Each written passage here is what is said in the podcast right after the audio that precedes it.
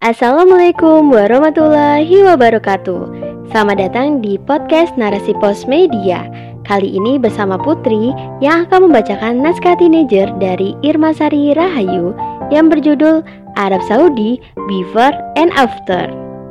Tetap stay tune dari awal hingga akhir karena akan ada ilmu yang bermanfaat. Kalau mau menerapkan syariat Islam, jangan di sini, sana pergi ke Arab. Guys, Pernah nggak dengar ungkapan ini? Atau jangan-jangan kamu salah satu korbannya? Sabar ya guys. Well, kalimat kayak gini emang sering banget ya kita jumpai di medsos atau di dunia nyata.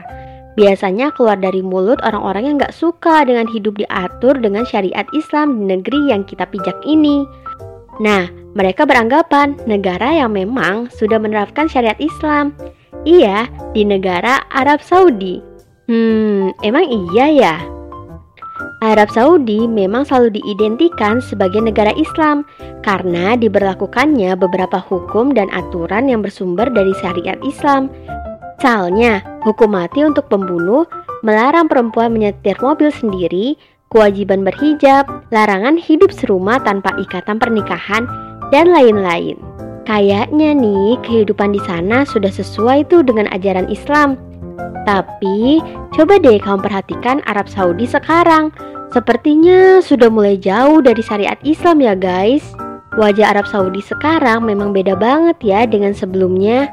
Sejak Raja Salman berkuasa dan menyerahkan urusan pemerintah kepada sang putra mahkota Muhammad bin Salman, sedikit demi sedikit negara tujuan haji dan umroh ini bertransformasi ke arah liberal.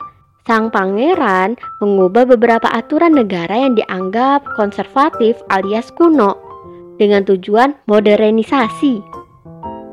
Misalnya saja mencabut kewajiban berhijab untuk perempuan, membolehkan campur baur laki-laki dan perempuan, pengadaan konser musik, dan lain-lain. Do you know what guys? Gosipnya nih, aturan melarang pasangan yang belum nikah tinggal serumah alias kumpul kebo bakal dilonggarkan khusus buat Cristiano Ronaldo. Mantan pemain Real Madrid ini yang dikenal dengan CR7 ini sekarang resmi bermain di salah satu klub sepak bola Arab Saudi, Al Nassr. Kamu tahu kan kalau CR7 ini belum nikah sama pacarnya, tapi sudah tinggal bareng. Sebegitu spesialnya CR7 sampai hukum yang jelas haram pun bisa dilanggar. Duh, kok jadi ngeri begini ya? Makin liberalnya Arab Saudi terlihat dari adanya reformasi ekonomi ala Pangeran MBS dengan memperkenalkan Saudi Vision 2030. Visi Arab Saudi ke depannya adalah mengurangi ketergantungan pada sektor minyak sebagai sumber pendapatan dan beralih mengembangkan sektor rekreasi dan pariwisata. Nah, untuk mewujudkan visi ini, Pangeran MBS ini berencana membangun kasino dan hotel mewah di dua pulau Laut Merah, yaitu Pulau Tiran dan Pulau Sanivir. Rencananya nih, Arab Saudi akan membidik investor dari Israel dan membuka pintu bagi penduduknya untuk berkunjung ke Arab Saudi menurut CNBC Indonesia tanggal 29 Januari 2023. Parah banget kan guys? Memang sih Arab Saudi nggak punya hubungan diplomatik dengan Israel seperti negara tetangga lainnya. Tapi perselingkuhan di bidang ekonomi diakui kok oleh CEO Kamar Dagang Israel, Nirit Ofir. Katanya antara Tel Aviv dan Riyadh sudah mulai menjalin hubungan mesra dari bulan Juni. Duh, sedih banget nggak sih?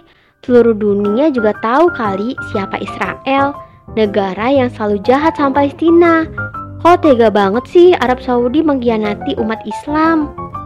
Guys, menurut kamu, apa yang terjadi saat ini di Arab Saudi adalah bentuk kemajuan peradaban modern atau malah tambah terbelakang sih?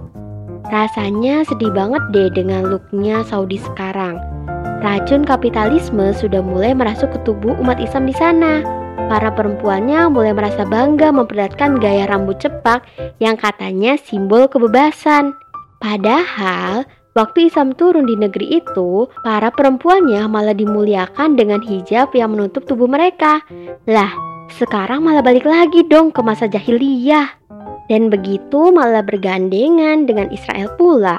Sudah jelas mereka adalah bangsa yang tangannya selalu berumuran darah rakyat Palestina. Kok malah mesra-mesraan? Gak habis tingking kan? Demi cuan musuh pun dianggap teman. Proyek pariwisata yang digagas Pangeran MBS juga menyerempet bahaya banget. Selain berpotensi menyebarkan kemaksiatan, juga menyediakan tempat untuk maksiat. Belum lagi, letak kedua pulau yang strategis dan terbuka bahaya banget buat keamanan dan kedaulatan negara Saudi sendiri. Please deh Prince MBS. Bok ya dipikir lagi gitu loh, ide gilanya. Barat sudah sangat sukses meracuni umat Islam dengan ideologi sampah mereka guys. Setiap sendi dan aliran darah umat Islam sudah mengendap ide-ide rusak buatan Barat. Umat menganggap peradaban Barat lebih modern daripada Islam, sampai akhirnya rela menukar syariat Islam yang agung dengan ide kufur. Aturan agama dianggap kuno dan mengekang, sedangkan aturan kufur malah dipuja-puja. Kondisi Arab Saudi dan negara-negara kaum muslim lainnya saat ini sebenarnya mirip dengan apa yang terjadi saat daulah Islam mulai lemah loh. Saat itu, daulah Islam dijuluki The Sick Man oleh negara-negara Eropa karena sudah nggak sekuat masa sebelumnya. Akhirnya, terbentuk deh kumpulan keluarga Kristen internasional yang beranggotakan negara-negara Eropa Barat dan berbagai negara Eropa Timur yang beragama Kristen. Konstelasi politik juga jadi berubah guys. Keluarga Kristen internasional mendominasi kaca politik dunia, sedangkan daulah Islam makin merana. Akhirnya, karena ingin eksis juga, daulah Islam bergabung dengan kelompok ini, tapi dengan S dan K yang berlaku. Apa tuh? Daulah Islam harus mengganti undang-undang yang diterapkan selama ini, yang awalnya berdasarkan syariat Islam, kudu diganti dengan undang-undang sekuler Barat. Dari sinilah kekacauan daulah Islam bermula karena telah meninggalkan syariat Allah Subhanahu wa Ta'ala. Duh, sedih ya. Guys, Allah Subhanahu wa Ta'ala sudah mengingatkan kita, loh kalau orang-orang kafir akan selalu berupaya menjauhkan umat Islam dari agamanya dan mengikuti agama mereka. Allah Subhanahu wa taala berfirman dalam surat Al-Baqarah ayat 120 yang artinya orang-orang Yahudi dan Nasrani tidak akan senang kepada kamu hingga kamu mengikuti agama mereka. Katakanlah, sesungguhnya petunjuk Allah itulah petunjuk yang benar. Dan sesungguhnya, jika kamu mengikuti kemauan mereka setelah pengetahuan datang padamu, maka Allah tidak lagi menjadi pelindung dan penolong bagimu. Maka dari itu guys, sudah saatnya Arab Saudi juga negeri-negeri muslim lainnya sadar kalau kehidupan di bawah naungan kapitalisme sekuler sudah sangat rusak dan merusak.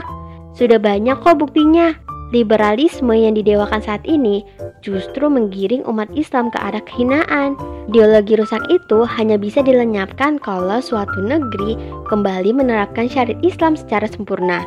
Keberadaan daulah Islamiyah seperti pada masa Rasulullah Wasallam dan para sahabat benar-benar harus kita wujudkan. Kita bakal hidup tenang dan terjaga di dalamnya. Kamu mau kan? Kalau aku sih, iya. Wallahu alam bisawab.